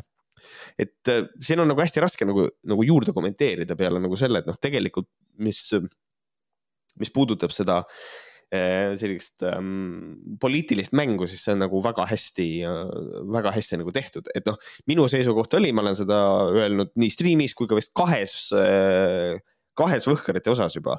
ja ma kordan selle siin üle veel, et noh, minu seisukoht oli see, et kui Reformierakond oleks veel blokkinud, siis tegelikult vahet ei ole, kes oleks olnud järgmine peaminister mina leian seda, et Eesti kakssada ja sotsid oleks pidanud teda umbusaldama, Kaja Kallast ja, ja lihtsalt ütlema, et me ei saa koos töötada, sellepärast et tegelikult meil ei ole koostööd et äh, mul on hea meel, et see sinnani ei läinud, aga, aga Reformierakond on minu arvates forever changed sellegipoolest. oled siiamaani sellel arvamusel, et sina Reformierakonda enam ei vali? ma arvan küll jah, ma arvan, et see aeg on läbi. Äh, et äh, siin, kui peaks olema selline variant, et nagu kõik ajavad suust nagu totaalselt kelbast välja ja ainult Reformierakond äh, räägib mõistlikku juttu äh,. ma ei tea, ma ei tea, mis siis juhtuma peaks, on ju, et niisugune asi toimuks. aga siis võib-olla, aga ei, mul on nagu ilmselt enam mitte jah. jah, ma mõtlesin ise sama asja peale. ma ei tea, kas sinu mõjutusest või üldisest äh, negatiivsest jamast, millega Reformierakond on tegelenud juba viimased, ma ei tea, mitu kuud mm. -hmm, just nii, mida see tähendab? Reformierakonnal olid mõlemad valikud halvad ja selle olukorra kujundasid ne neile nende endi partnerid koalitsioonis. Neil oli vaid üks sõnum enda kasuks kasutada ja see lükati ka käiku. näete, me ütlesime, et raha on olemas, kuigi haridusminister ütles, et kohe kuidagi ei ole. Äh, mulle meeldis see, et kui see kokkulepe ära tehti, siis millegipärast Võrklajev öö, otsustas, ma ei tea, jällegi, kes neil kommunikatsiooniinimene on, aga türa, pange mehe suu kinni, noh. et otsustas, et haridusminister oleks selle raha ka eelmine nädal suutnud leida. nagu te saite oma kokkuleppe, teil on see asi tehtud. hoia oma suu kinni ja ära mölise enam mm.. aga millegipärast oli vaja seda nagu, seda nagu teha, ma ei tea Verklaev on üldse lahe vana, selles mõttes siin mingi hetk tulid reitingud, keda inimesed kõige rohkem usaldavad ja keda ei usalda ja siis Verklaev juhtis rõvedalt seda, et inimesed ei usalda teda nagu absoluutselt nagu protsentuaalselt oli see mingi amazingly suur protsent, kui palju inimesed teda ei usalda. jah. kõige ebapopulaarsem minister, ma ei tea, mis aja jooksul jah, mina ise mõtlen seda, et huvitav, kas see on tal nüüd äh, ainukene ministri run üldse või? Sest et mulle tundub, et see mees on nii ebapopulaarne, et, et ma ei, ma ei kujuta ette. mulle, mulle tundub vähemalt, et Võrklajevil on nagu see on tema esimene ja viimane run lihtsalt. mina olen aru saanud, et ta on hästi lähedane Kaja Kallasega ja väga palju sõltub sellest, et kuhu Kaja Kallas iseenda ma ei tea, imidži ja selle iseennast tagasi viib, et siis sellega kaasas tolkneb ka Võrklaev. no Kallast enam juhiks ei valita. selles mõttes, ma olen selles päris kindel. No et jaa, aga on, siiski neil on võimalus ikkagi veel midagi nagu teha, ma nagu südamest loodan, et midagi nagu head teha, kasvõi hakata enne valimisi tööle äh, positiivsete asjadega, no ma ei tea noh, et äh, tal on, ega Kaja Kallas ei ole nagu kehv poliitik, et ta on käitunud kehvasti, aga ta oskab no, võib-olla õigetel, õigetel hetkedel võib-olla teha äh, õigeid äh, asju ja on tagasi nagu tipu lähedal. ja Võrklaev äh, ilusti kaasas lohisemas see on muidugi väga hea karikatuur Võr, Võrklaev lihtsalt lohiseb järgi lihtsalt mm. -hmm. tegelikult isegi ei taha seal võib-olla olla um,. et äh, siis nüüd pange tähele, õpetajate esindajad olid enne streiki päris jäigad ja streigi ajal nõudsid kümme miljonit eurot juurde, aga nüüd leppisid väga kiiresti vaid poolega sellest. see näitab, kui lähedal oli streigi hääbumine. no see, see oli nii nagu ka mina sellest aru sain päev-paar veel ja HTL oleks jäänud tühjade pihkudega. seda oli Reformierakonnal hädasti vaja. meilt ei saa streigiga välja pressida seda, mida pole anda. nüüd aga aitasid Reformierakonna enda valitsuspartnerid viimasel hetkel HTL-i häbistavast kaotusest välja. selline asi võib küll närvi ajada. Jagant on väga hästi kirjutanud seda. mis õpetajad said? sisuliselt seitseteist eurot igale õpetajale palka juurde ja kui vaadata, mis äh, kuluridadelt lisaraha kokku kraabiti, siis vähemalt osa neist on nüüd ära jäetud ühekordsed kulud, milleks mõeldud raha liigub püsiva kulu katmiseks. näiteks raha, mis oli mõeldud siseministeeriumi kolimiseks superministeeriumi, superministeeriumisse on see ikka mõistlik. samuti said õpetajad lubaduse, et alustatakse õpetajate palga ja karjäärimudeli ning muude töötingimuste kokkuleppimist. mis saab edasi? Püsivat lahendust õpetajatele endiselt ei ole. koalitsioonist said pinged vaid kasvada, sest kaks väiksemat tõmbasid suuremal vaiba alt. ja nüüd on kõigil teistel rahasoovijatel ees teerada, kuidas sellelt valitsuselt midagi kätte saada. et äh, siin on natukene nüüd nagu see vibe küll, et, äh, et tegelikult mind tohutult häirib see, et hästi palju Äh, fookus oli sellel rahal, seitseteist eurot ja õpetajad tahavad palka juurde ja kõike seda. Aga tegelikult see on, see on, see on palju laiem, et nagu selle streigi eesmärk ei olnud ainult palka juurde saada, vaid just nimelt mure sellepärast, et õpetajal ei ole mitte mingisugust karjääri. see, et peale nagu juurdekasvu ei ole õpetajaametile, kõik, kõik, kõik see ka, aga keskenduti ainult rahale nojah, aga need teised asjad ikkagi kõlasid ka selles mõttes, et me eelmine kord lugesime seda Kertu Jänese kommentaari, et ja just ja, aga nagu fookuses ja, ja eriti nagu, mis puudutab nagu äh, inimesi, kes on nagu noh, täiesti nagu lollid peast. noh, sisuliselt pea, peaaegu iga inimene, kes on parempoolses erakonnas on ju. et noh, nende jaoks oli kogu aeg, et ainult raha, raha, raha, raha, kogu aeg raha, et asi on ainult rahas. nagu ei ole, süvene, debiilik, aga, aga, aga jah, paraku nagu siukene olukord oli ja noh, meedia noh, ma ei saa meediat väga palju kritiseerida selles mõttes, et tegelikult, kes ikkagi luges natukene rohkem, siis see info oli olemas, et seal on muud asjad ka. aga meedia võib-olla jah, natukene nagu see sensatsiooniline osa sellest oli see palganumber ja palk, palk. Kaja Kallase koha pealt mul tuli meelde üks asi, et siin oli mingi intervjuu, kus ta ütles, et nagu, et vahet ei ole, mida ma teen, et ma saan igalt poolt pikku päid. Lähen presidendi vastuvõtule, pahandusmajas, ei lähe, pahandusmajas. ja siis ma kohe mõtlesin selle peale, et oh my god, oh sa vaesekene, nüüd on tema jälle ohvri, ohvri rollis on ju. et aga eelnevalt, kui ta selle jamaga ei tegelenud, siis oli niimoodi, et ta sai ainult ühelt poolt. jah yeah. et nagu ühtepidi ma nagu tahaks öelda, et nagu see on natukene, natukene, see on päris palju ikkagi ise kaevatud auk nagu, kus Ikka praegu muidugi, siis jah. nagu olla, onju. aga teistpidi nagu inimesena ma saan aru, et tal, see ongi rets lihtsalt, et nagu kui ebapolaarseks, ebapopulaarseks ta on muutunud, eks ole. ja tal ei ole isegi seda teist poolt nagu enam enda taga, eks ole, et nagu, et mis nagu see drive on üldse nagu edasi minna veel nagu, ma ei saa aru, kus, kus nagu, kui tugev inimene peab olema, et seda jonni ei teki peale, et teate, minge perse kõik nagu minge imege türa kõik, et minge perse, I quit nagu ja lähebki minema ära nagu infotunnis võiks olla, võiks sihuke. Mic drop lihtsalt, boom. minge putsi lihtsalt vihaselt, ma ei, ma üritan seda endale ette kujutada, mismoodi äh, lihtsalt noh, täiega keeb üle ja siis Riigikogu infotunnis. teate, imege kõik munni lööb käega mikrit, need on laua küljes kinni, vaata, need ei lähe kuskile. kink lihtsalt väänab seal ära, läheb minema. lugege mu huultelt, minge te kõik putsi ja kõnnib minema niimoodi. päris fun. aga äh, tegelikult äh, siin on, äh, siin on veel natukene juttu, nimelt julge sotsi rasane rind. Ähm, õpetajate palgaraha otsimise kõrval asus koalitsioon otsima ka võimalusi, kuidas katta riigi eelarvestrateegias üle neljasaja miljoni kulusid olukorras, kus rahandusminister on öelnud, et algne idee leida uusi makse enam laual ei ole mis juhtus? järss, järsus tõusus reitinguga sotside esimees Lauri Läänemets põrutas, et kui õpetajate palga osas kokkulepet ei tule, pole mõtet oodata ka teisi kokkuleppeid. mulle meeldib kohe, et Lauri Läänemets kohe niimoodi. nüüd ma olen tõusnud, nüüd ma olen tõusnud kas viieteist, kuueteist, seitsmeteist ja võib-olla isegi kaheksateist protsendi peale. nüüd on niimoodi, et nüüd on niimoodi. kui seda ei saa, siis seda ei saa. Lauri Läänemets on see mees, kui natukene tõuseb, siis ta kohe näitab sulle. ja. näed, näed, näed, näed sihuke nii, mida see tähendab? sotsidel on selgesti hoog sees ja valimistulemuse põhjal kokku lepitud koalitsioon ei peegelda sotside vaatesse enam nende osakaalu valitsuses. teisiti öeldes, Läänemets tunneb, et võib prõmmida ja nõuda.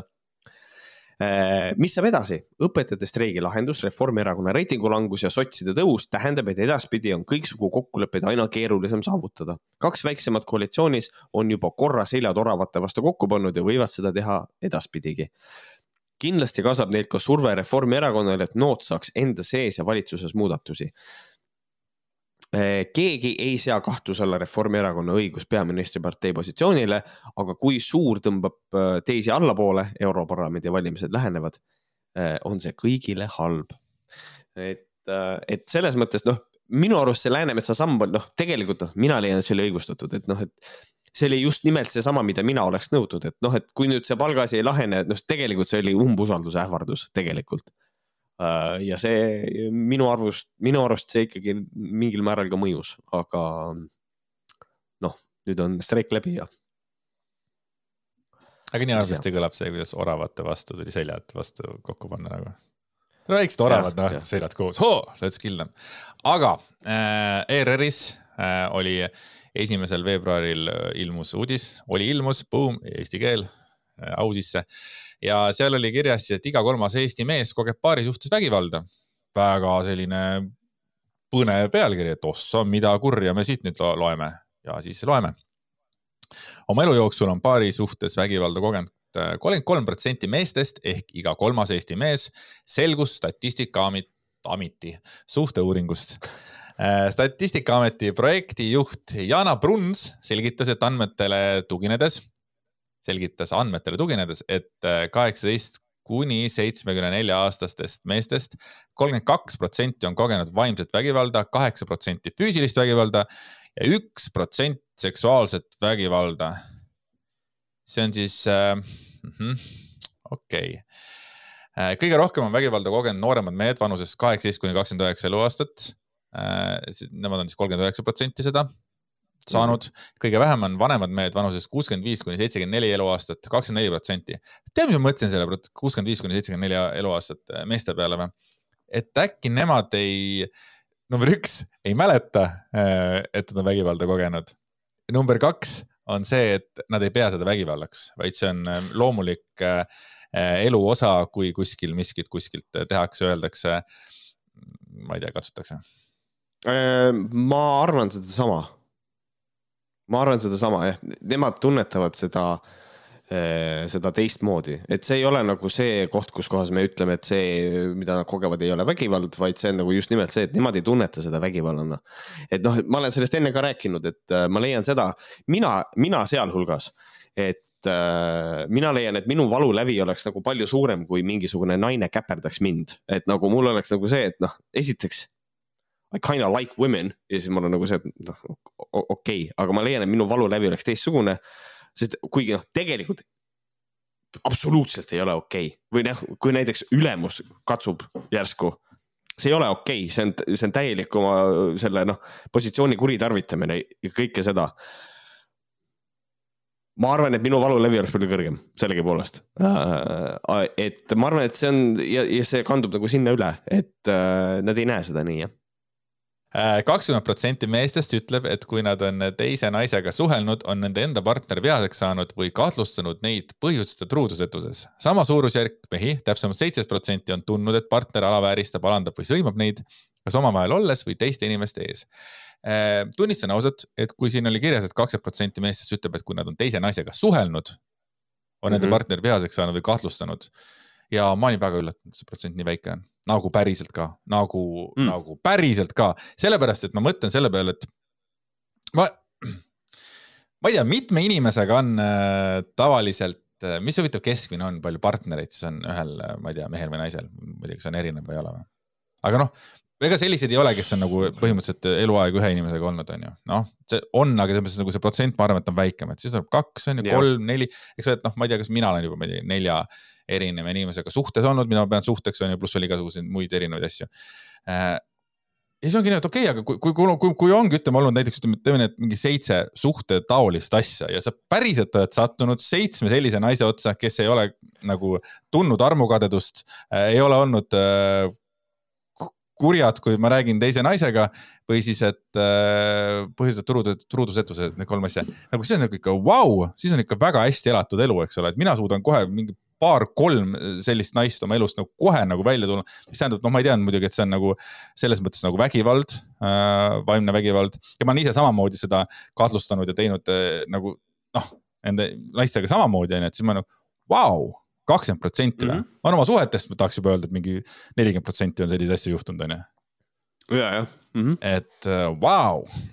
et noh, selles mõttes see ei ole nagu sellest mm, võivad inimesed ka väga valesti aru saada, et nagu siin ei ole nagu see point, et et sa ei tohi armukade olla, et noh, tegelikult armukadedus on igal inimesel nagu ikkagi eksisteerib ja ikka ja, ja ikka on. aga ar armukadedus ei tohi tekitada selliseid olukordi, kus kohas sa takistad teisel inimesel nagu suhtlemast inimestega, et. et nagu, et nagu selles mõttes. Äh, jah, just, et nagu selles mõttes, et ei, et nagu kui sinu mees räägib mingisuguse teise naisega, siis, äh, siis nagu ei maksa nagu eeldada, nii, nussivad et nagu see, noh, see on nagu liig. ei no kehakeelest on näha, et neile meeldib teineteisega rääkida. jah, sest neile meeldib teineteisega rääkida, mis siis on? selles no mõttes on olemas, on olemas inimesi, kes mulle ka väga meeldivad nagu selles mõttes on nagu. ütle üks. nagu, kuidas ma seda teistmoodi seletan, et nagu mul on tutvusringkonnas naisi, kellega ma väga hea meelega seksiks ka nagu. But I won't that simple, et nagu, nagu selles mõttes, et ja, ja, ja, ja ma suhtlen nendega. et nagu see, see ei ole nagu see, et sa nüüd ei tohi nendega suhelda, no come on, noh, tegelikult nagu võin küll, onju. et see on sihuke, ma ei tea ma ei tea, see on nii veider, ma, kogu see armukadeduse värk on kuidagi, ma sain kolmkümmend ja siis ma saan aru, et jesus christ, see on nii tobe, aga, aga ma ei. seda ma mõtlen just eriti, et mina usun ka, et see on nagu äh, noorematel on just see teema nagu rohkem, kus on see see draama on palju suurem, on ju. et äh, aga äh, mõnevõrra vähem ehk kolmteist protsenti meestest ütleb, et partner on piiranud neil ka kohtumisi sõpradega või takistanud näiteks hobidega tegelemist head nagu, head, head nagu hobudega tegelemist ei ole tekkis takistanud samuti toovad mehed välja, et nende partner on kontrollinud seda, kus nad käivad, üheksa protsenti, või käitunud sihilikult nii, et see neid ehmataks või hirmutaks näiteks karjunud või lõhkunud asju. no vot, üheksa protsenti. Mhm. aga kuula nüüd, Märt kaks kolmandikku meestest on paari suhtes vaimset vägivalda kogenud oma eelmiste partnerite poolt, üks kolmandik praeguste mm -hmm. partnerite poolt ja selliseid mehi, kes on vaimset vägivalda kogenud nii endise kui ka praeguse partneri poolt või mitme endise partneri poolt, on vähem, kümme protsenti. mina olen siis see vähemus näiteks mm. -hmm enamik meestest on vaimset vägivalda kogenud elus kas ühe korra või kogeb seda siiski harva kuuskümmend protsenti. Neid, kes kannatavad vaimse vägivalla all sageli või pidevana, on alla viie protsendi. Neid protsente on praegu nii palju, et mul läks täitsa aju korraks krussi. aga mis me siis üldiselt saame teada? üldiselt näitab statistika, et mehed otsustavad vägivaldsetest suhetest lahkuda, sest praeguse partneri poolt kogeb sagedast vägivalda üks koma viis protsenti meestest ja suhete dünaamikat mõjutab ka erinevate meelemürkide tarbimine. nii praeguse kui ka endise partneri puhul tunnistasid mehed, et ligi nelikümmend protsenti juhtumitest leidis aset siis, kui partner oli kas alkoholi või narkojoobes. samuti selgus, et ka kannatanu ise oli ligi kolmkümmend protsenti juhtumitest joobes uuringu tulemused näitavad, et isegi kui meestel on probleemid, ei kiputa neist väga rääkima. politseisse probleemide korral ei pöörduta, rääkis Bruns ja lisas, et mehed eelistavad probleemide lahendamiseks esimese eelistusega partneri ka rääkimist mehed eelistavad probleemide lahendamiseks esimese eelistusena partneri rääkimist, just nii no, oli. siin ja siit joonistubki välja see nagu suur erinevus, et äh, kui mehed kogevad vägivalda, siis nad äh, lähevad minema suhtest, nad lähevad ära selle naise juurest. et, ähm, et see on või siis ka mehe juurest, I guess tegelikult, et mehed on, on nagu rohkem, äh, lähevad ära, et naistel on nagu see probleem, et mitte, et see naiste süü on, aga kuidagi kultuuriliselt on nagu niimoodi, et naised äh, ei lähe ära vägivaldse partneri juurest. sellepärast, et tihtipeale on seal taga äh, muud majandus, noh, majanduslik sõltuvus ja kõik see, et, äh, et nagu see asi võiks nagu, võiks nagu paraneda. ma arvan ka, vägivald võiks väheneda. jah Äh, aga äh, Margit Adorf, tõenäoliselt mu lemmikinimene üldse. kindlasti. Fucking Jesus Christ. Äh, Margit Adorf kirjutas kolumni Delfisse. jälle naised süüdi, miks näitab Statistikaamet mehi suuremate kannatajatena? Sel nädalal leidis Statistikaameti projektijuht Jaana Bruns, et oleks hea paisata eetrisse uudis, mis pisendab naistevastast vägivalda ja näitab suuremana meestevastast vägivalda. rääkides sellest, et mehed kogevad vägivalda. jah, just, et nagu kui keegi ütleb mulle, et äh, nagu naistevastane vägivald on fucked up, meestevastane vägivald on ka fucked up kui sa tuled mulle ütlema, et äh, me ei tohi juhtida tähelepanu meestevastasele vägivallale, you are a piece of shit, et nagu. ta teeb täpselt sedasama, mida teevad kuradi fucking need kuradi ma debiilikud äh, mehed, ei no aga me ei ka vägivald, no jah jaoks..., aga hetkel räägiti naistevastasest vägivallast. me tegeleme selle, jah, me tegeleme nagu selle teemaga, me käsitleme praegu seda teemat, on ju. praegu räägitakse meestevastasest vägivallast, puh. Me praegu tegeleme sellega, kuidas, what about, aga arusaadav, absoluutselt, keegi ei vaidle, keegi ei ütle, et ju naiste, et, nagu selles mõttes probleeme ei ole ju. praegu räägiti, aga kas Margit Adorf nagu saab sellest aru või? Ehm, ehm, ma ei tea, ehm, siin on lihtsalt nagu see, et, et jah, et siin me võime selle artikli ka uuesti läbi lugeda ja leida, et noh, siin ei ole nagu öeldud, et naistevastast vägivalda ei eksisteeri, siin siukseid lauseid ei, nagu ei eksisteeri. et, et ma ei tea, et see tegelikult, vaata, kuula nüüd, tegelikult on meil siin äh, artikli ERR-is oli allkirjas seda ka, et Statistikaamet avaldab peagi ka ülevaate, mis keskendub naistevastasele lähisuhtevägivallale. Fucking Christ, siin on isegi öeldud, et me järgmises kuradi mm, -hmm. järgmises saates naistevägivald, noh. jah, et sisuliselt see on täpselt sama suhtumine, kui on nagu see, et et oh, naistevastane, naistevastane vägivald ja siis on üks ja siis on mingi mees. aga miks sellest keegi ei räägi, sellest vaimsest vägivallast, mida naised teevad mehega et siis, kui ühel hetkel enam ei pea vastu ja tõmbad vastu vahtimist, see on umbes sama. et see on ikka väga nõme jah. nii, vaesed mehed, iga kolmas kannatab vägivalla all, kas tõesti on asi nii hull? Eh, kui uudis lahti võtta ja veidi sisusse süüvida, siis tuleb sealt välja, et vägivallaks on selles uuringus loetud ka see, kui naine on oma kaasa peale ühe korra vihaseks saanud või teda põhjuseta petmisest kahtlustanud. no kuulge, see, kui sa kellegi peale korra vihastad, ei ole mingi vägivald kui äh, muidugi just esimese kihvatuse peale kohe mingit korralikumat peedistamist ette ei võeta. Jesus Christ, huvitav, kui ma kirjutaksin, kui ma kirjutaksin nagu naistevastase vägivalla kohta sellise, sellise lõigu, türa mulle tuldaks Märjamaale kohale ja mul, mind kastreeritakse ära nürida roostes noaga. see on nagu täiesti fucking insane um, no igal juhul. aga ei no, ei no aga rääkimata sellest, et mis asi on siis see korralikum peedistamine ja mis asi on siis vihastamine, ma eeldan, et paneme sinna kümme inimest järjekorda ja igaüks näeb seda asja erinevalt, kus on temas mingid piirid, vaata nagu. et äh, ma ei tea, et ühe, et naine on oma kaasa peale ühe korra vihaseks saanud, no siin räägiti karjumisest. kui sa ikka teise inimese peale karjud ma ei tea, ühesõnaga ma ei tea, tekib mm, Adolf enda kohta küsimusi, aga, aga olgu. igal juhul toob Brunt suurelt esile, et kakskümmend protsenti meestest on sattunud hirmsate naiste vihapursete alla, samas ei ole naiste kohta mitte silpigi, sellepärast et keskenduti meestevastasele vägivallale. järgmises saates naiste vägivald äh, kusjuures Margit Adolfile siinkohal väga suur soovitus, väga soe soovitus. Äh, fucking loe artiklit lõpuni enne kui sa oma suu lahti teed. no ta tegelikult, ma ootame, kaitsen korra teda, ta tegi selle Statistikaameti selle blogi või selle põhjal selle ah,. aga okay, point jääb selles mõttes, et ja, et ERR lihtsalt kajastas seda, aga tema vist võttis algallika, mul on tunne. aga blogis ei olnud seda kirjas siis või? ma ei ole blogi avanud, seega ma ei hakka Nii, praegu. mulle tundub, et see, et see on blogis ka kirjas, aga, aga pohhui miks on Statistikaamet valinud selle tee, et näidata mehi suuremate kannatajatena? muidu, oota, aga äkki me ootame ära äh, naistevastase selle statistika ja siis me vaatame, et äkki naised on ikkagi suuremad kannatajad. They probably are, nagu eriti, mis puudutab lähisuhtevägivalda. türa, lähisuhtevägivalla koha pealt on nagu kaheksakümmend protsenti on ohvrid on naised, nagu see on, see on nagu selline statistika, mida enam ei pea isegi otsima, see on nagu pähe jäänud mul juba. et nagu aga okei okay., muidugi jah, äh, on küll veel vägivaldseid naisi, kes alandavad oma mehi nii vaimselt kui füüsiliselt ja nendessegi juhtumitesse tuleb tõsiselt suhtuda, kuigi ma olen nendele põhimõtteliselt peale siktunud selle artikli alguses. kuid kas tõesti peaks seda nüüd tegema sellisel moel, et naistevastane vägivald üldse tähelepanu. pani nüüd plaadi mängima ja siis ta teeb scratch'ib ka kõik, kõik, kõik, sama koht, sama koht, sama koht, sama koht, sama koht, sama koht.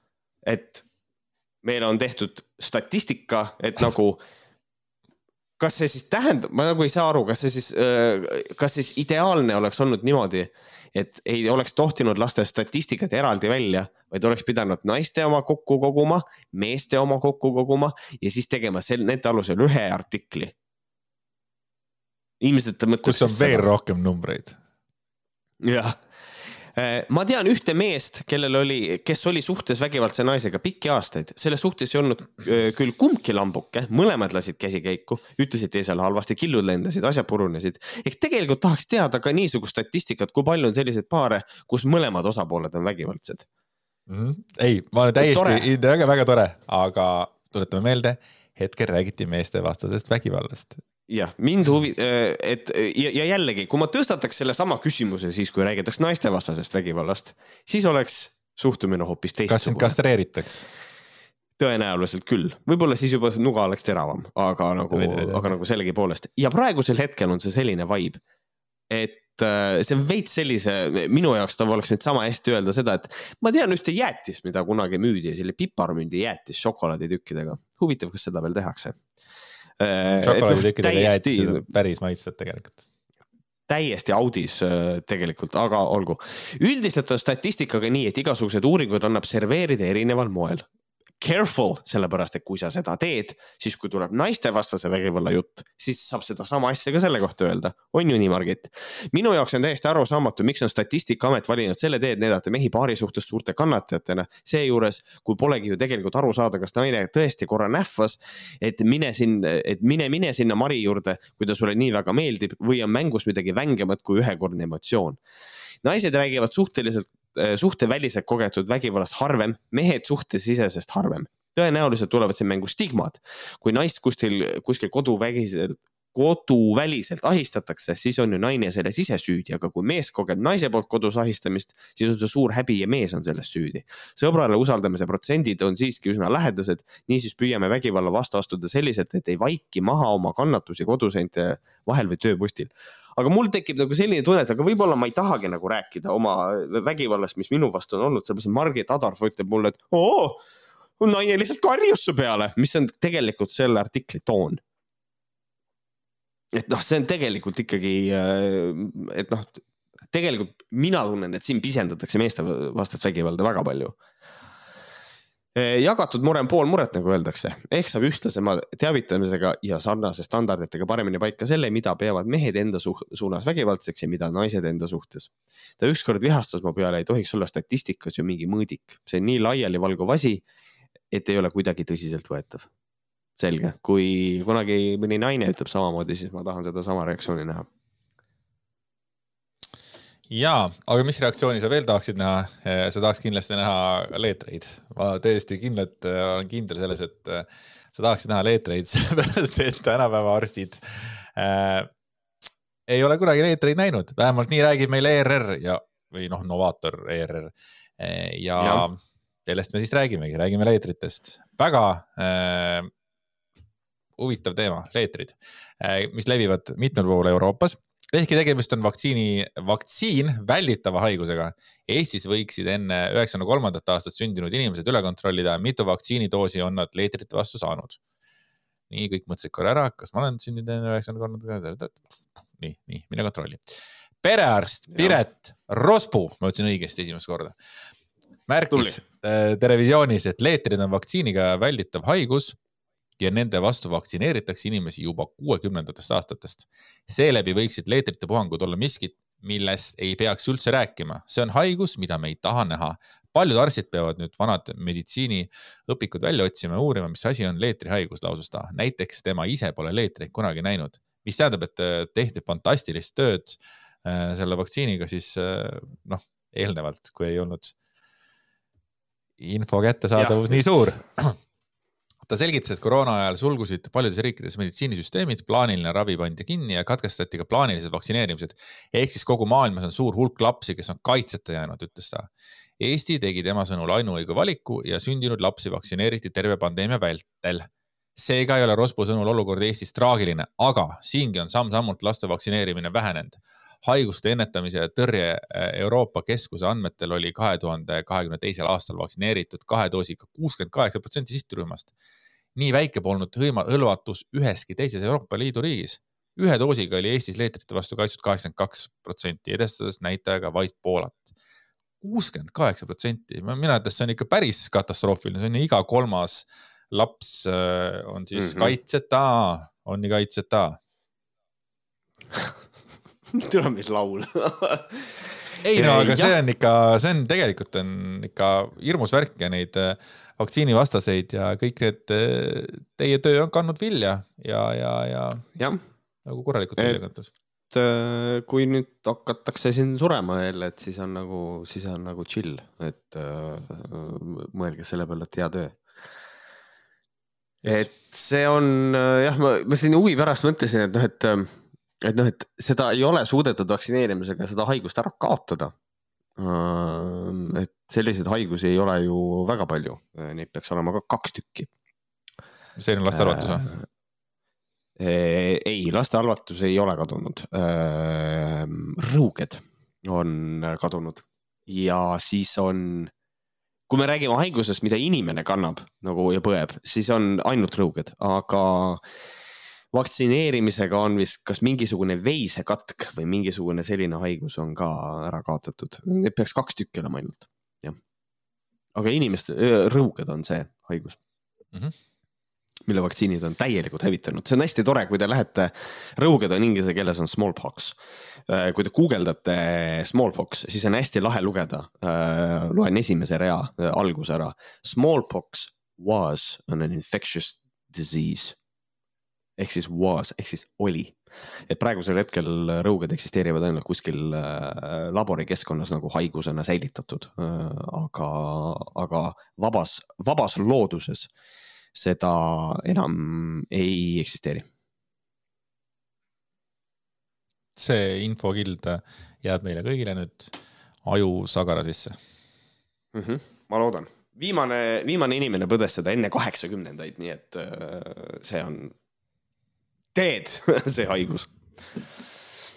issand, kahe, enne kaheksakümnendaid, üle neljakümne aasta tagasi. tead, kui, tead, kui rets on ikka mõelda? on jah, ikka. nagu üldse see aeg nagu midagi, et vaatasin seda Netflixis oli see We are the world äh, laulust oli tehtud siis nagu dokumentaal või selline nagu film. tead see laul, eks ole kus kõik vanakooli superstaarid olid seal.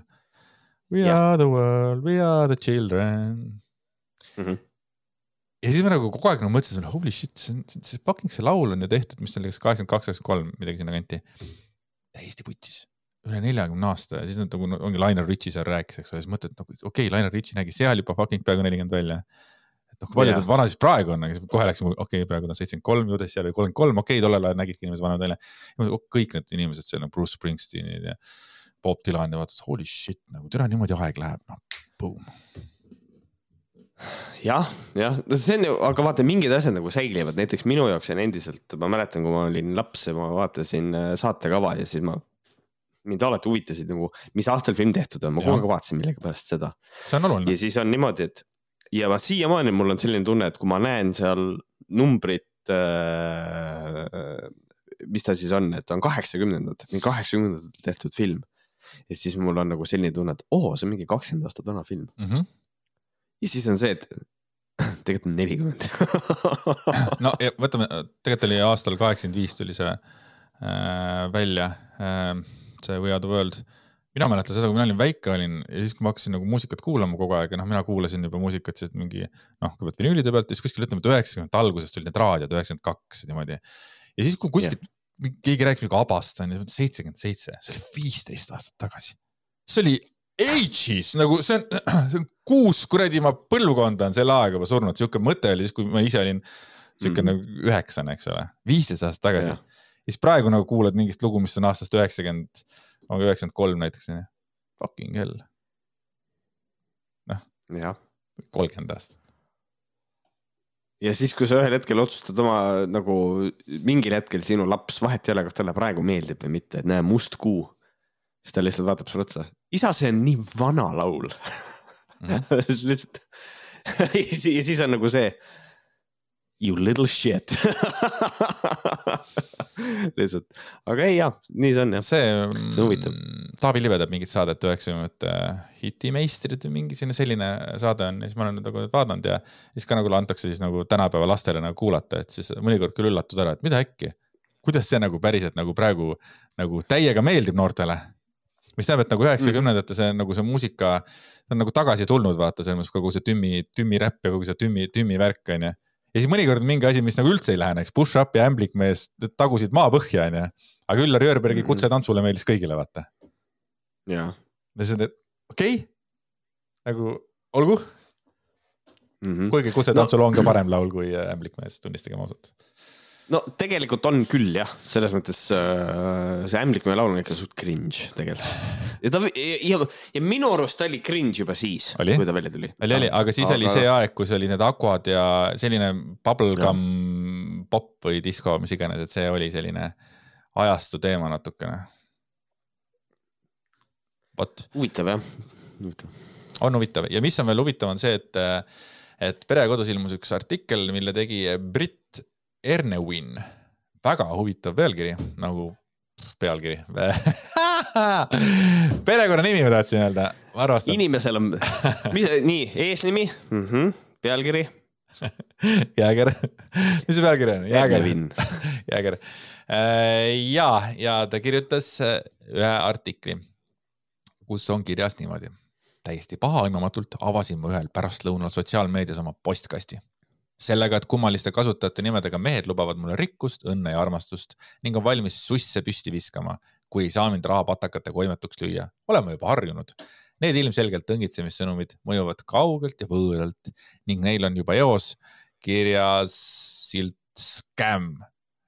aga saada täiskasvanud mehelt sõnum, millest sisaldub lause minu laste kohta. ma loodan, et sul ikka on plaanis neile korralik raam ette panna ja paar süsti teha, et tuss tihkem oleks, sest siis ma võiks ju talle koti pähe panna ja riist ei vajuks ära, on tõeliselt šokeeriv. mind tabas neid ridu lugedes hirm, õud, äng, abitus ja iiveldus. ja nüüd ma loen siis. ja see, see kiri, tahad ise lugeda? ei, loe kiri siis sina. loe, loe perverdi häälega veits perverdi häälega või? ma ei tea, proovi okay.. nii, ühesõnaga kujutage endale ette, et te olete lapsevanem ja siis te saate sellise kirja. miks su lapsed sellise põrsa nina ja Downi sündroomiga välja näevad? sa ise oled nii hot ja seksi ja siis sellised lapsed. ma loodan, et sul on ikka plaanis neile korralik raam ette panna ja paar süsti teha, et tuss tihkem oleks. sest äh, siis ma ju võiks talle koti pähe panna ja riista vajuks ära. praegu on küll nii, et Viagraga korra saaks kikki ja siis vajuks äh, ja siis vajuks kohe ära, kui, kui sisenema hakkaks, aga sina oled küll super hot sexy mommy. Äh, kolm fucking äh, smiley't, kus silmade asemel on südamed. kas sa oled voodis ka häälekas? kui ma keelega sind silitan, kiisuke hot raam oled, mul pakkuda kakskümmend kaks sentimeetrit riist, mis sinusse siseneks, aga ära neid lapsi kaasa võta, please jah, kogu see. see on ikka täiesti perses nagu, see on ikka, see on ikka, see, seda nagu rõve lugeda mm. -hmm tuss tihkem ja siuksed, siuksed väljendid, aga minu jaoks on sellised. aga. kakskümmend kaks sentimeetrit on riist ka, see on muidugi, seda ma ei usu. kui sul on kakskümmend kaks sentimeetrit riist, siis sa ei saada selliseid kirju Sorry äh,. artikkel jätkab jah, kogu sõnum ei keskendu mu lastele õnneks, aga ka ülejäänu tekitab minus vastikuse judinaid. kuidas saab keegi arvata, et millegi sellise kirjutamine on okei okay? Need read kirja panna ja ära saata ja isegi kui kirjutaja on vaimsete vajakajäämistega, siis kas ei vajaks mm -hmm. ta piisavalt kontrolli, et tal ei tekiks võimalust selliseid kirju saata? kuna minu jaoks oli see sõnum tülgastav ja hirmutav, oli mu esimene refleks kontakteeruda veebikonstaabliga. paraku pidin ma pettuma. mulle vastati, et isik on politseile varasemalt tuttav, talle tehakse kodukülastus ja sõnumi sisu töö süüteole ei viita. mõistagi soovitati mul isiklik, mu isik, mul isik ka ära blokeerida jah, ma saan aru, et pelgalt sõnumi kirjutamise eest, olgu see kui vulgaarne tahes, kedagi vahistama ei hakata. olgugi, et emana, kes oma laste kohta neid ridu loeb, tahaks ma seda väga. aga kas see, et mina ta blokeerin, tõesti midagi muudab? viimati kontrollides oli samal isikul mitu erinevat kontot, mida ta kasutab. see on juba teadlik tegutsemine ja kui ta on politseile tuttav, siis kas see pole mitte ohumärk ja kuidas saan mina lapsevanemana osata hinnata seda, mis hetkel on tegu haige fantaasiaga ja mis hetkest on isik valmis äh, rohkemaks. see on see kindlustunne ja selgitus, mida ma tahaks saada võimudelt, mitte pelgalt soovitust ebameeldiv inimene blokeerida. võib-olla oli mul seda raputust vaja, võib-olla kõik inimesed ei ole ikkagi ilusad ja head. ja võib-olla on see maailm tegelikult terake koledam koht, kui ma olen siiani arvanud see on äh,, need asjad, mida ta nagu noh, selles mõttes emotsionaalselt ma saan tast aru, aga need asjad, mida ta siin nõuab, et noh, et, et ähm, see on see kindlustunne ja selgitus, mida ma tahaks saada võimudelt, mitte pelgalt soovitust ebameeldiv inimene blokeerida. ehk siis, mida ta tahaks võimudelt, on teada seda, et kuidas saan mina lapsevanemana osata hinnata seda, mis hetkel on tegu haige fantaasiaga, mis hetkest on isik valmis rohkemaks mm,. aga võimud ei oska seda sulle öelda. seda, seda ei ole võimalik öelda, kust nad peaksid seda teadma. et nagu selles mõttes ma saan aru, see on väga ebameeldiv kiri aga siin ei ole mitte midagi teha, siin ei saagi mitte midagi teha, et äh, siin ongi vaja lihtsalt ei jää muud üle kui käsi laiutada ja öelda seda, et noh, tegelikult me ei saa inimest karistada selle eest, et äkki ta nüüd hakkab sind kuidagi noh, et noh, et äkki noh, sorry noh, that's not how it works. ma ütlesin ta nime valesti, tegelikult on ta britt Erne Wayne, Erne Wayne, Erne, Britt Ar-, Ar-, Ar-, Erne Wayne Armstrong. jah,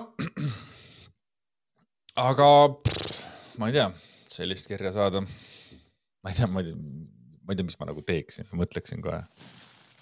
jah, et noh, mina olen ka saanud äh, vihaseid kirju. selliseid Minu..., selliseid või? selliseid ma ei ole saanud, et äh, mina olen ka saanud äh, vihaseid kirju, aga noh, ega ma tahtsingi öelda, et nagu noh mitte midagi, mis kündiks sinnamaani, aga ma ei ole ka naine, naistele üldiselt kirjutatakse nagu rõvedamaid kirju kui meestele.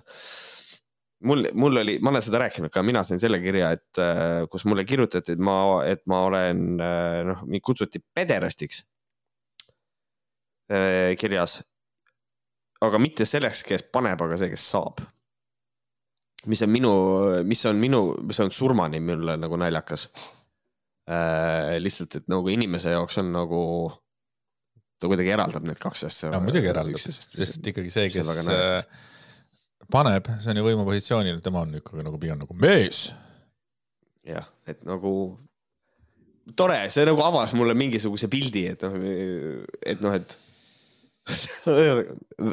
It's funny. ei no aga, aga see, aga see on sama nagu avatud kaartidest, et äh, sa said palju selgemaks või noh, sa said aru, et on olemas inimesi, kes saavad äh, teistmoodi aru sellest, mida tähendab nutmine, vaata yeah.. et minu arust yeah. nagu täpselt samamoodi, et nagu, et on, on, on, on ka pederastid, on ka levelid, eks ole, et nagu, et. jah, mis level gei sa oled? see on ka nagu jah ei no need kõige paremad, need on nagu ikka, need kõige paremad on ikka need, kes on ikka nagu ei näita välja ega midagi. jah, äh, aga, aga mul oli nagu hea meel selle üle, et nagu, et äh, Legrand oli nagu, tõi välja ka nagu väga huvitava aspekti, mis on nagu tõsi, et gei kogukonna siseselt on ka diskrimineerimist väga palju. et äh, need, kes on nii-öelda need naiselikud, et neid diskrimineeritakse rohkem gei kogukonna siseselt kui, kui neid, kes ei ole et, äh, et see on huvitav asi, mis ta välja tõi. Äh, mis sellel otsene väärtus oli, noh, võib-olla et näidata, et diskrimineerimine on igal pool, on ju. aga see on tore, et ta ka midagi teadis äh, tuua välja mingisugust statistikat, see oli, see oli päris tore. kogukonnad tekivad tänapäeval läbi interneti, ma eeldan, eks ole? üldiselt ikka jah. et otsitakse kuskilt, et kes mõtleb minuga samamoodi või ma ei tea ma just mõtlen, et kuidas, kuidas nagu, kuidas nagu leida kogukond, ma eeldan, et igal asjal on olemas äh, kuskil mingi kogukond tegelikult. kuidas leida kogukond, kui sa näiteks ei ole, okei okay, noh, inimesed on kõik internetis, aga kui sa ei ole internetis, kuidas sa leiad endale kogukonna äh,? ongi raske nagu ma olen aru saanud, et see ongi keeruline, aga kui sa ei ole internetis, siis kogukond on need inimesed, kellega sa suhtled ja sihuke vanakoolikas, et eks see on võimalik, et noh, võtame näiteks. ega kõik vanemad inimesed ei ole ju ka alati internetis, aga neil on mingisugused kokkusaamised, mingid kuradi kohvikuõhtud käivad fucking bridge'i mängimas, mida iganes, et siin ikka sihuke, siuksed asjad nagu on, aga, aga nooremad inimesed on niikuinii internetis reeglina, nii et et eks nad seal kokku saavad. ja, aga igatahes äh, meie saame siin kokku igal teisipäeval. Ähm, selles mõttes iga teisipäev kell kuus on äh, uus haigushoog on väljas. Äh, kui sa oled Patreon, saad seda tõesti neli korda kuus, kui sa ei ole Patreon, siis saad kaks korda kuus, nii et valik on sinu kas sa tahad meid näha rohkem või vähem? mina soovitan rohkem. Jah, ikka ja kui tahate veel rohkem, siis lihtsalt peate kuulama mitu korda ühte osa. ja ma sain just eile sain ühe kirja, kus, ma ei olegi vastanud sellele, kus pöörati tähelepanu ühele asjale. aga enne seda mainiti ära, et ma olen see inimene, kes on kõiki osasid kuulanud kolm kuni neli korda. okei okay lihtsalt tahtsin nagu kõvatada, et nii kirjutati siis praegu. Kolm kuni neli korda. kõiki osasid. Vau, mhm. see on ikka jõhker. see on jõhker äh, aitäh teile, kes meid kuulavad kord, aitäh teile, kes kaks korda, kolm korda, neli korda ja aitäh eriti neile, kes kuulavad meid sada korda ja me oleme ainult kõrvades nendel kogu aeg ja muud elu üldse ei ole ja täiesti kogukond ongi Andreas Jääger ja Märt Koik ja see inimene kes meid kuulab ja meie vahel on selline intiimne õhkkond. aitäh. Okei okay,, davai, tšau. tšau